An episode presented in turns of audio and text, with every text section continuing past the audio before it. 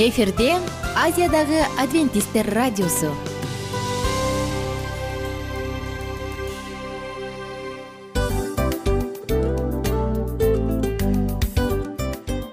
Достор салют. Баардык сүйүктүү угармандарыбызга салам айтабыз. Кутман күнүңүздөр менен. Ден соолук өмүрдүн булагы демекчи саламат саамы программасында баарыңыздарды көргөнүбүзгө абдан кубанычтабыз. Анда алгач амандашып өтөлү арбаңыздар деп. Ден соолугуңуздар кандай элибизде көбүнчө ден соолук кандай дегенде эле жакшы деп жооп беребиз э? ооруп турсак дагы жакшы дейбиз. Анан мен муну айтып ойлойт элем бул абдан сонун сөз депчи анткени бул жакшы деген үмүт да э ооба баары жакшы болот. Баары сонун. Үмүттөнүп атып эле өзүбүздү өзүбүз дарылап коебуз. Анысы кандай сиздин дагы ден соолугуңуз жакшы беш деген үмүттөбүз чындыгында ден соолук бул өмүрдүн булагы деп бекеринен айтылган эмес деп ойлойм. Кыргыз элинде анткени эгерде ден соолук жок болсо анда адамдын жашоосунда калган баардык керектүү маңыздуу нерселер өзүнүн баалуулугун жоготуп коет. Ошондуктан ден соолук бул эң керектүү нерсе. Ооба туура айтасың кесиптешим чынында ден соолугуң жок бир эки үч күн ооруп калсаң эле э кандай болуп калат? Жашоодо көз каранды болуп каласың көп нерсеге жетишпей каласың көп нерсени кыла албай каласың жада калса эшикке дүкөнгө да чыга албай каласың. Туптуура анан ден соолук болсо демек биз биздин бактыбыз тоодой деп койсок болот. Анда достор саламат саамы рубрикабызды баштайлы. Алдыда өзүңүзгө керектүү болгон сонун кеңештерди уга аласыздар. Мына ошондуктан биз менен бирге болуңуздар. Ал эми биз болсо милан жана айнура. Кеттик алга. Алга саламат саама ден соолуктун жарчысы. Саламат саама ден соолуктун ачкычы. Күн сайын сиз үчүн мыкты кеңештер сонун жаңылыктар кызыктуу фактылар биздин рубрикада.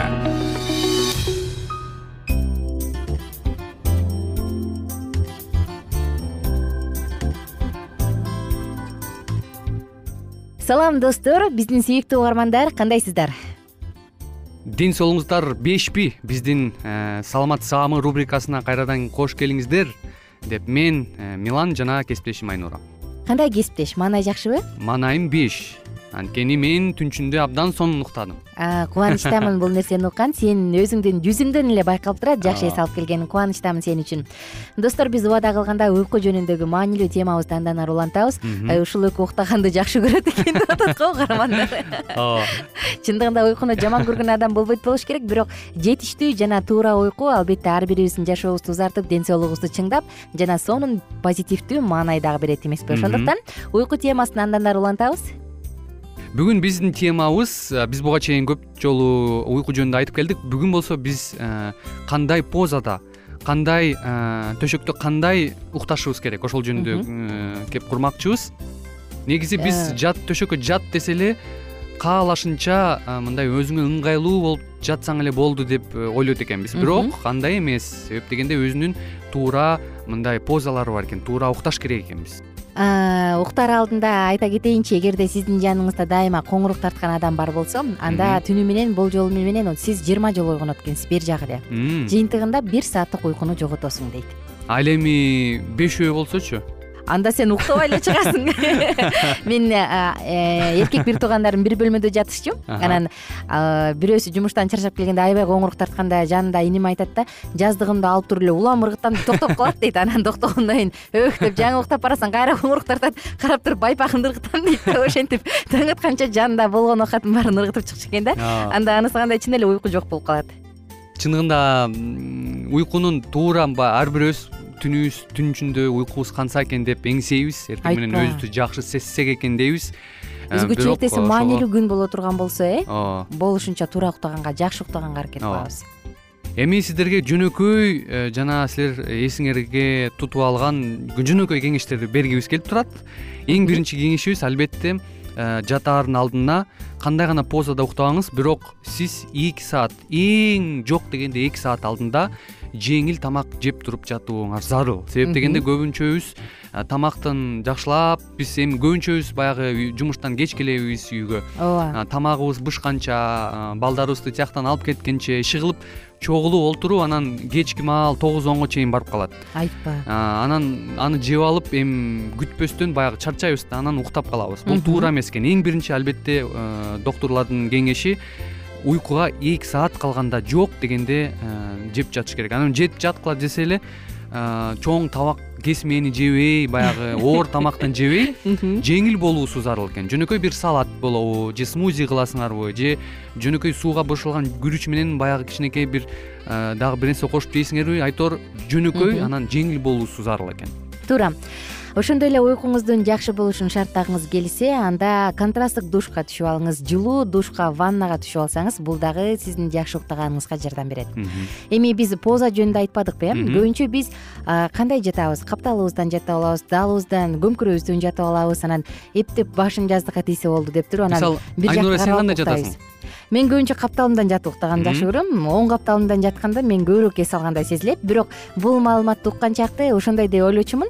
Анан мен уйкунун позасы жөнүндө окуп уккандан кийин анан жок деп өзүмө контроль жасап азыр чалкаман жатып уктаганга аракет кылам. Анткени э, көрсө биз туура эс алышыбыз үчүн бул биздин эс алуубуз жөн гана психикабыз же мээбиздин бир аз токтоп калышы эмес.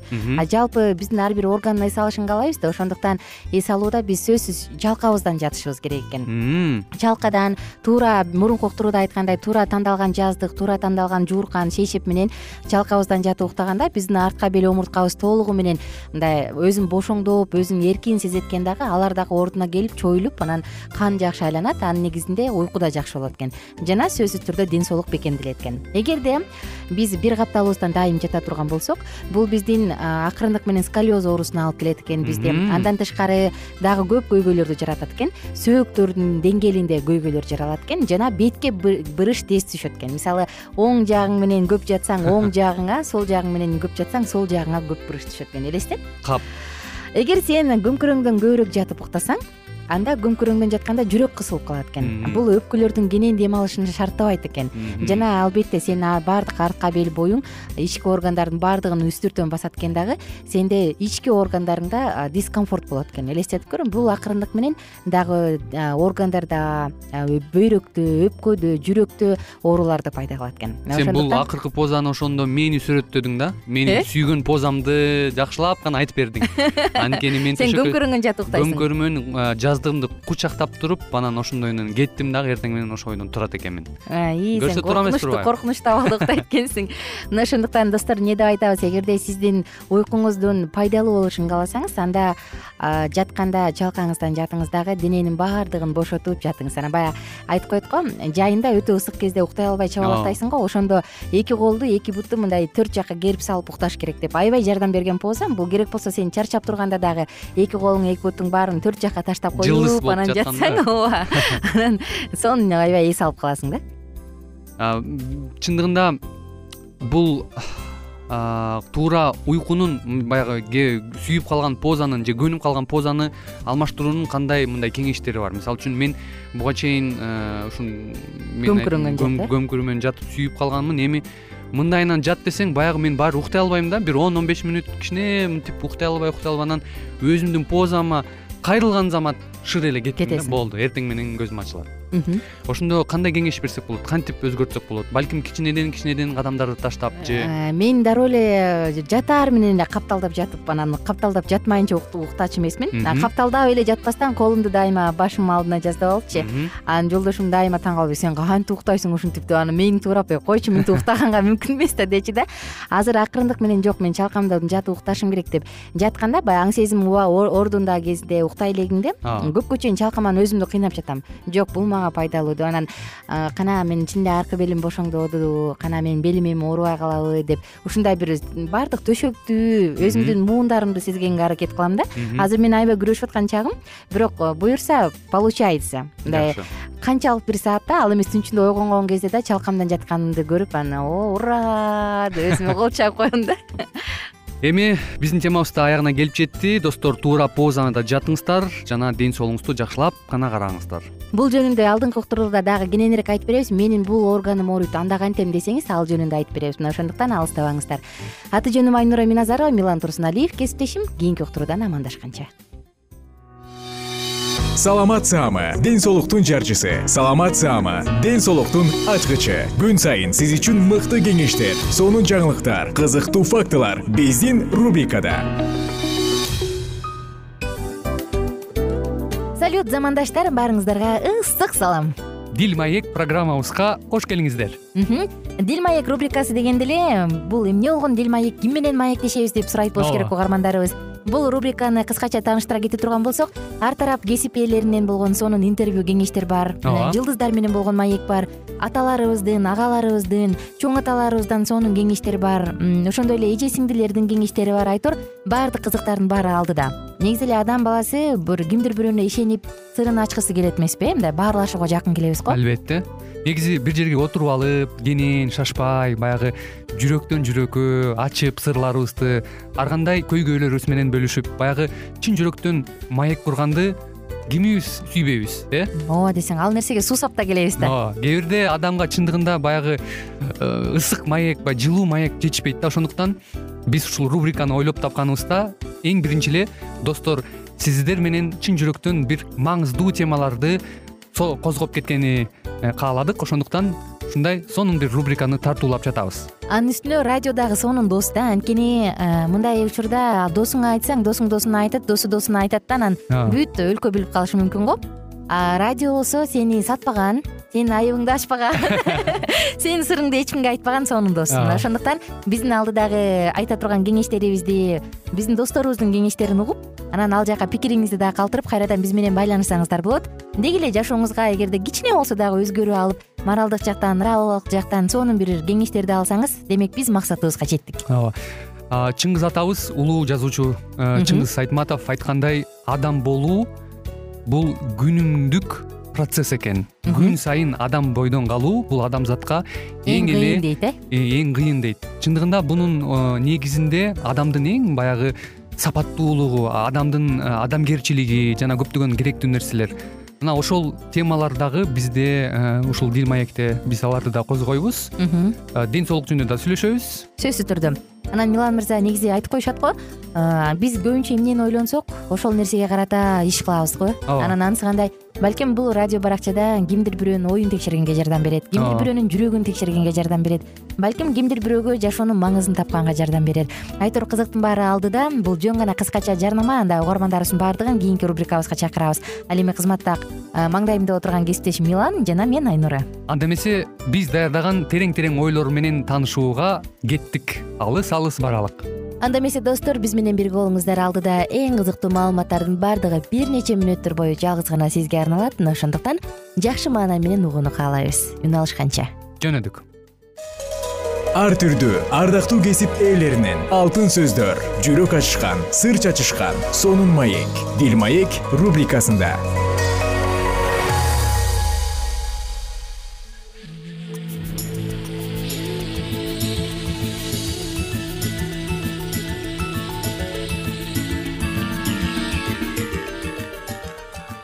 кутман күн кымбаттуу радио угармандарыбыз кайрадан эле сиздердин назарыңыздарда. Бактылуу никенин баалуу эрежелери аттуу программабызда кездешип жатканыбызга өтө кубанычтабыз.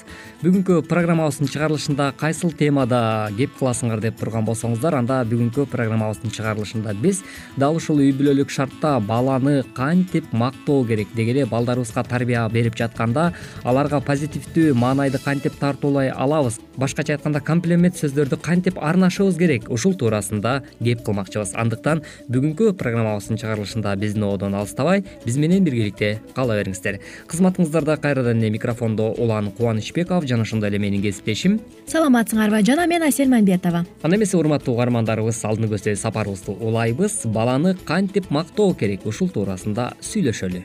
Кээ бирөөлөр баланы мактоо эч качан ашыкча болбойт деген ойдо болушса башкалар дайыма мактай берүү баланы бузат деп ойлошот бирок баланы канчалык көп мактаганыңарда эле эмес. Кантип мактап жатканыңарда да көңүл бурганыңар маанилүү. Силер балаңарды адатта эмне деп мактайсыңар? Мактоонун кандай түрү балаңарга тез таасир тийгизиши мүмкүн?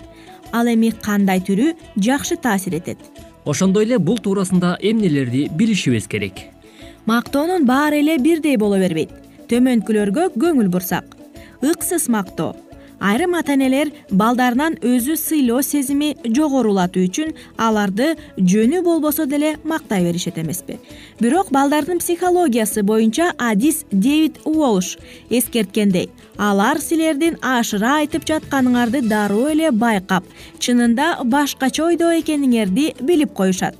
Ошондой эле мактоого татыктуу эмес экендигин билгендиктен айтканыңарга ишенбей калышы ыктымал деп жооп бериптир ошондой эле сиз балаңызды жөндөмү үчүн дагы макташыңыз керек. Мисалы кызыңыздын сүрөт тартууга шыгы бар дейли. Андайда ошол шыгын андан ары өөрчүтүп кетишин каалап албетте аны мактаганыңар келет. Бирок мунун терс жагы болушу мүмкүн. Себеби баланы шык жөндөмү болгону үчүн эле мактай берсеңер.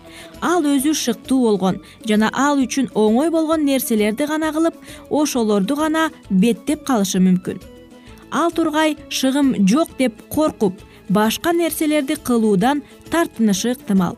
Ал эгер кайсы бир нерсени кылуу мен үчүн кыйын болуп жатса демек мен ага шыктуу эмесмин. Анда аракет кылуунун эмне кереги бар деп ойлошу мүмкүн. Андан сырткары дагы аракети үчүн мактоо кайсы бир нерсе жөндөмдүү болгону үчүн эле эмес. Тырышчаактыгы жана аракети үчүн мактоо сөзүн уккан балдар маанилүү бир чындыкты кандайдыр бир иштөө чебер болуш үчүн чыдамкай жана аракетчил болуу талап кылынаарын түшүнөт. Ошонун аркасында алар бир китепте айтылгандай кайсы бир иште каалаган натыйжага жетиш үчүн талыкпай аракет кылат жана ийгиликке жетпей калган күндө да өзүнүн эч нерсеге жараксыз деп эсептебей үйрөнчүк деп эсептейт. Ошондой эле баланы мактоодо эмне кылсаңар болот? Шыгы үчүн эле эмес аракети үчүн мактагыла. Балаңар тарткан сүрөттү көрүп сүрөт тартканга шыгың бар деп мактаганга караганда аябай аракеттенип сонун тартыптырсың деп мактаганыңар алда канча жакшы. Албетте эки учурда тең балаңарды мактаган болосуңар. Бирок биринчи учурда өзүңөр билбей эле. Балаңар туубаса жөндөмдүүлүгү бар болгон нерселерди гана жакшы кыла алат дегендей болуп каласыңар. Ал эми аракети үчүн мактасаңар балаңарга жөндөмдүүлүк тажрыйбанын аркасында өөрчүй турганын үйрөткөн болосуңар. Ошонун аркасында ал жаңы нерселерди үйрөнүүдөн коркпой. Өзүнө өзү ишенимдүүлүгү артат. Андан сырткары багынбаганга жардам бергиле. Жакшы адамдар деле ката кетиришет. Кээде катасына түгүл бир нече жолу кайталап алышат. Бирок ар бир жолкусунан сабак алганда үйрөнүп андан ары аракет кыла беришет балаңарга ошондой адам болууга кантип жардам берсеңер болот. Ал үчүн кайра эле балаңардын кылган аракетине көңүл топтогула. Келгиле бир мисалды карап көрөлү. Маселен кызыңарды туубаса математиксиң деп мактай бересиңер дейли. Бирок бир күнү ал математика боюнча сынактан өтпөй калат. Ошондо ага шыгы жоголуп кеткендей сезилгендиктен андан ары аракет кылгысы келбей калышы мүмкүн ал эми аракетине көңүл топтосоңор тырышчаактыкка үйрөткөн болосуңар. Жана ката кетиргенин чоң көйгөй көрүп калбаганга жардам бересиңер. Ошондо ал кыйынчылыкка багынбай калат ишти башкача кылып көрүүгө же көбүрөөк күч жумшоого аракеттенет. Ошондой эле негизги сын пикирлер туурасында дагы айтып кетпесек болбос. Туура маанайда айтылган сын пикир. Балаңардын ындынын өчүрбөй кайра ага жакшы жардам болот ошондой эле аны дайыма жөнү менен мактап турсаңар. Ал силердин кайсы жагынан жакшырышы керектигине байланыштуу айткан сын пикирлериңерди да жакшы кабыл алат. Ошондо анын ийгилиги өзүнө да силерге да кубаныч тартуулайт чындап эле балдарды тарбиялоо жаатында мына ушундай марттык менен э, туура баягы балдарга э, мактоо сөздөрүн арноодо сөзсүз түрдө анын э, жакшы жагын дагы жана жаман жагын дагы баягы бир калыпка салып туруп анан туура мактаганды үйрөнө турган болсок анда биз балдарыбызды туура нукка бурганга аракет кылган болот экенбиз. Андыктан ардактуу ата энелер жана ошондой эле сүйүктүү радио угармандарыбыз сөзсүз түрдө жашоодо балдарыбызды мактоодо марттык менен Э, туура нерселерди колдонгонго аракеттене бериңиз деген тилегибизди билдирүү менен ушуну менен бизге бөлүнгөн убакыт дагы өз соңуна келип жетип калды. Албетте силердин колуңарда чоңоюп жаткан бала бул силердин келечегиңер. Андыктан келечегиңизге кандай салым кошсоңуз сиздин келечегиңиз да ошондой болот албетте. Андыктан бул нерселерди эске алуу менен биргеликте жашооңуздарда бир гана жакшылыкка гана умтула бериңиз деген тилек менен бүгүнкү программабыздын көшөгөсүн жабабыз эмки уктуруудан кайрадан эле биз сиздер менен бактылуу никенин баалуу эрежелери аттуу программабыздан кезишкенче аман туруңуздар. Ар түрдүү ардактуу кесип ээлеринен алтын сөздөр жүрөк ачышкан сыр чачышкан сонун маек дил маек рубрикасында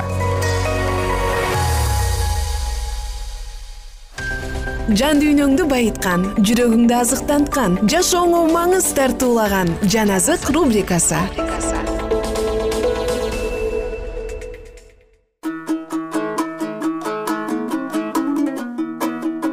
Амансызбы бурадарым? Жана жалпы угармандар сиздер менен. Жан азык рубрикасын баштадык жана бүгүн дагы куткарылуу тарыхы деп аталган китептен бирге улантабыз. Биз менен бирге болуңуздар алдыдагы жагымдуу мүнөттөр сиздер үчүн өзүнө келген адамдардын коркунучун жана жамандыктарын пайдаланыш үчүн рим дагы бир нерсеге муктаж болуп турду. Бул индульгенция кечирим кагаздары жөнүндөгү окутуулар. Кечирим кагаздарын ким сатып ала турган болсо алардын кылган кылып жаткан жана кыла турган күнөөлөрүнүн баардыгы кечирилет. Андан тышкары папа өзүнүн карамагын кеңейтиш үчүн же анын руханий күчүнө шек келтирген адамдарга карата болуп жаткан согуштарга барган адамдар дагы жазалардан бошотула тургандыгы окутулуп турду.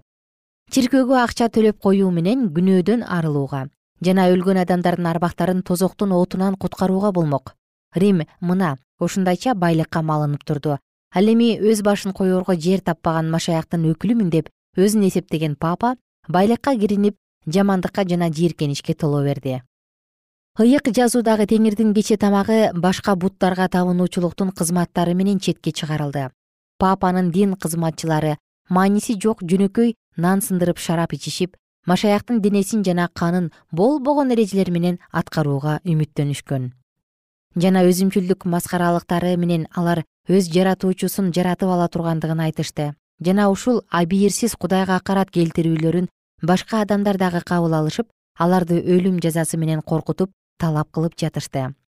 Андан баш тарткан адамдар отко куйкалануу менен өлүм жазасына берилишкен. Папанын бийлигинин туу чокусу дүйнөгө көзгө сайса көрүнгүс түн сыяктуу көрүндү. Жөнөкөй адамдар эле эмес бирок дин кызматчылар дагы ыйык жазуунун сөздөрүн окушкан эмес. Машаяктын мезгилиндеги фаристейлер сыяктуу папанын жетек башындагы адамдар дагы алардын күнөөсүнүн айыбын ачкан жарыкты көргүлөрү келген эмес адилеттиктин таразасы болуп турган кудайдын мыйзамын тебелендиге таштоо менен алар бийликке ээ болушуп өз кылган күнөөлөрүнүн чегин билишпеген. Баардык жерде алдоо дүнүйөкордук бузукулук орун алды. Эгерде суроо байлык жана даража жөнүндө боло турган болсо аларга кылмыш кылуу коркунучтуу болгон эмес.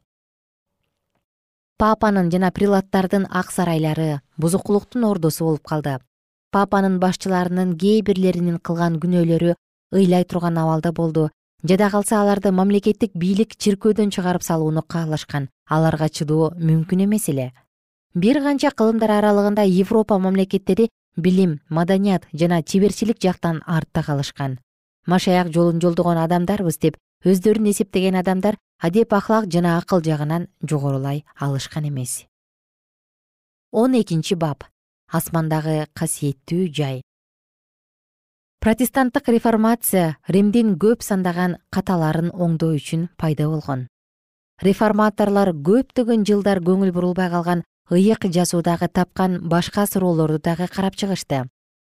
Он тогузунчу кылымда ар кайсыл мамлекеттерге диний адамдар ыйык жазууну изилдешип ыйса машаяктын экинчи келиши жөнүндөгү кызыгуулар өсө баштайт көпчүлүк адамдар бул окуя ошол кылымдын биринчи жарымында болот деп күтүшкөн. Бул кыймыл өзгөчө америкада өздөрүн адвентисттер машаяктын келишин күтүүчүлөр деп аташкан. Машаяк жолун жолдогон адамдардын арасында көбүрөөк болду. Даниэль пайгамбардын китебинин сегизинчи бап он төртүнчү аятында касиеттүү жай тазаланат деген пайгамбарлыкты бир миң сегиз жүз кырк төртүнчү жылы машаяк жерди тазалаш үчүн келет деп кабыл алышкан качан бул пайгамбарлык аткарылбай калганда кээ бир адамдар эмне себептен бул пайгамбарлык аткарылбай калгандыгын кайра ыйык жазуудан изилдей башташат. Асмандагы жана жердеги касиеттүү жай. Касиеттүү жай жөнүндөгү суроону талкуулап жатышып машаяктын келишин күтүп жаткан адамдар кудай муса пайгамбарга курдурган касиеттүү жыйын чатыр кудай синай тоосунда муса пайгамбарга көргөзгөн асмандагы касиеттүү жайдын үлгүсү ал жердеги болуп жаткан курмандыктар жана тартуулар үчүн ал эми анын ыйыктар бөлүмдөрү асмандагы касиеттүү жайдын үлгүсү болгондугун түшүнүштү. Ал эми биздин улуу дин башчыбыз болгон машаяк адамдар курган касиеттүү жайда эмес бирок кудай курган асмандагы касиеттүү жайда. Себеби машаяк чыныгы ыйык жайдын кебетеси болгон кол менен жасалган ыйык жайга кирген жок бирок азыр биз үчүн кудайдын алдында туруу үчүн асмандын өзүнө кирди машаяк азыр биз үчүн кызмат өтөп жаткан асмандагы касиеттүү жай муса пайгамбар жерде курган касиеттүү жайдын нускасы болуп эсептелет. Касиеттүү жай эки бөлүктөн турган. Ыйыктардын бөлүмү жана ыйыктардын ыйыгы бөлүмү. Касиеттүү жайдагы ташка жазылган мыйзам лооктору жыт түтөтүү курмандык жайы жана башка дин кызматчылар кызмат кылуу үчүн колдонгон буюмдар асмандагы касиеттүү жайдагы буюмдардын үлгүсү боюнча коюлган качан элчи жаканга кудайдын асмандагы касиеттүү жайы көргөзүлгөндө ал жерден жакан жети шамдалды алтын курмандык жайды көрдү. Ал эми качан асмандагы кудайдын үйү ачылганда ал анын ичинен анын мыйзам сандыгын көргөн. Чындыкты изденген адамдар асмандагы касиеттүү жайдын бар экендиги жөнүндө ыйык жазуудан көп далилдерди табышты. Муса пайгамбар жердеги касиеттүү чатырды асмандагы касиеттүү жайдын үлгүсү боюнча курган. Элчи пабыл жердеги касиеттүү жай асмандагынын үлгүсү экендигин далилдеген. Жана жакан элчи дагы асмандагы касиеттүү жайды көргөндүгүн күбөлөндүргөн. Бир миң сегиз жүз кырк төртүнчү жылы эки миң үч жүз жылдык пайгамбарлык бүткөндө жерде көптеген кылымдар аралыгында касиеттүү жай болгон эмес. Ошондуктан даниэль сегизинчи бап он төртүнчү аятында айтылган эки миң үч жүз кеч жана таң өткөнчө болот. Жана ошондо касиеттүү жай тазаланат деген пайгамбарлык асмандагы касиеттүү жайга гана тиешелүү болуп калды. Бирок асмандагы касиеттүү жай кандайча тазаланууга муктаж. ыйык жазуудагы пайгамбарлыктарды изилденген адамдар асмандагы касиеттүү жайдын тазаланышы жердегидей булганыштан эмес бирок кандан тазалануу башкача айтканда күнөөнүн тазалануусу болуп эсептелген бул жөнүндө элчи пабыл мындай деп айтат. Демек асмандагынын үлгүлөрү ушул курмандыктар менен ал эми асмандагы нерселер болсо бул курмандыктардан жакшыраагы менен тазаланышы керек. Достор уктуруубузду ушул жерден токтотобуз жана кийинки уктурууда сиздер менен бирге андан ары улантабыз. Жалпы угармандарыбызга көңүлдүү күн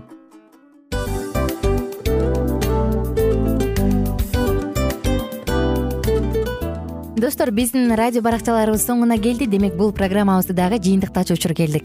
Учурга келдик. Анан кесиптешимден сурагым келип турат. Негизи эле иштин башталып атканы кубандырабы сени же жыйынтыгы кубандырабы? Албетте жыйынтыгы. Себеп дегенде сен кылган ишиңдин жыйынтыгын көрүп э, баягы мөмөсүн көрүп дегендей жыргайсың. Жүрөгүң жемишинен татып э? Кандай даамдуу деп. Баягы буудай сепкенде эмес буудай эгинди жыйнагандан кийин ысык нанды жегенде кадимкидей ырахаттанасың го. Ой айтпа туура айта кеттиң сонун салыштыруу болду анан мен дагы абдан кубанып турам анткени биз угармандарыбыз үчүн аябай эмгектенип келген уктуруубуздун соңуна келип калдык. Анан эми уктуруубуздун соңунда угармандар кандай пайда алып калды экен деп күтүп турам да. Балким э, менин жашоомо өзгөрүү киргизе турган сонун сөздөр болду. Мен ушул нерсени изилдеп анан кабыл албасам ушул нерсени кылбасам деген чечим чыгарсаңыз анда биз абдан кубанычтабыз. Сөзсүз түрдө андыктан кийинки биздин кызыктуу уктурууларыбыздан көрүшкөнчө сак саламатта калыңыздар. Чыдамсыздык менен сиздерди мен милан жана кесиптешим айнура күтөбүз. Баардык угармандарыбызга ийгиликтүү күн каалайбыз. Качан гана болбосун уртуңуздан жылмаюу кетпесин үйүңүздө көмүр жүрөгүңүздө көңүл болсун дейли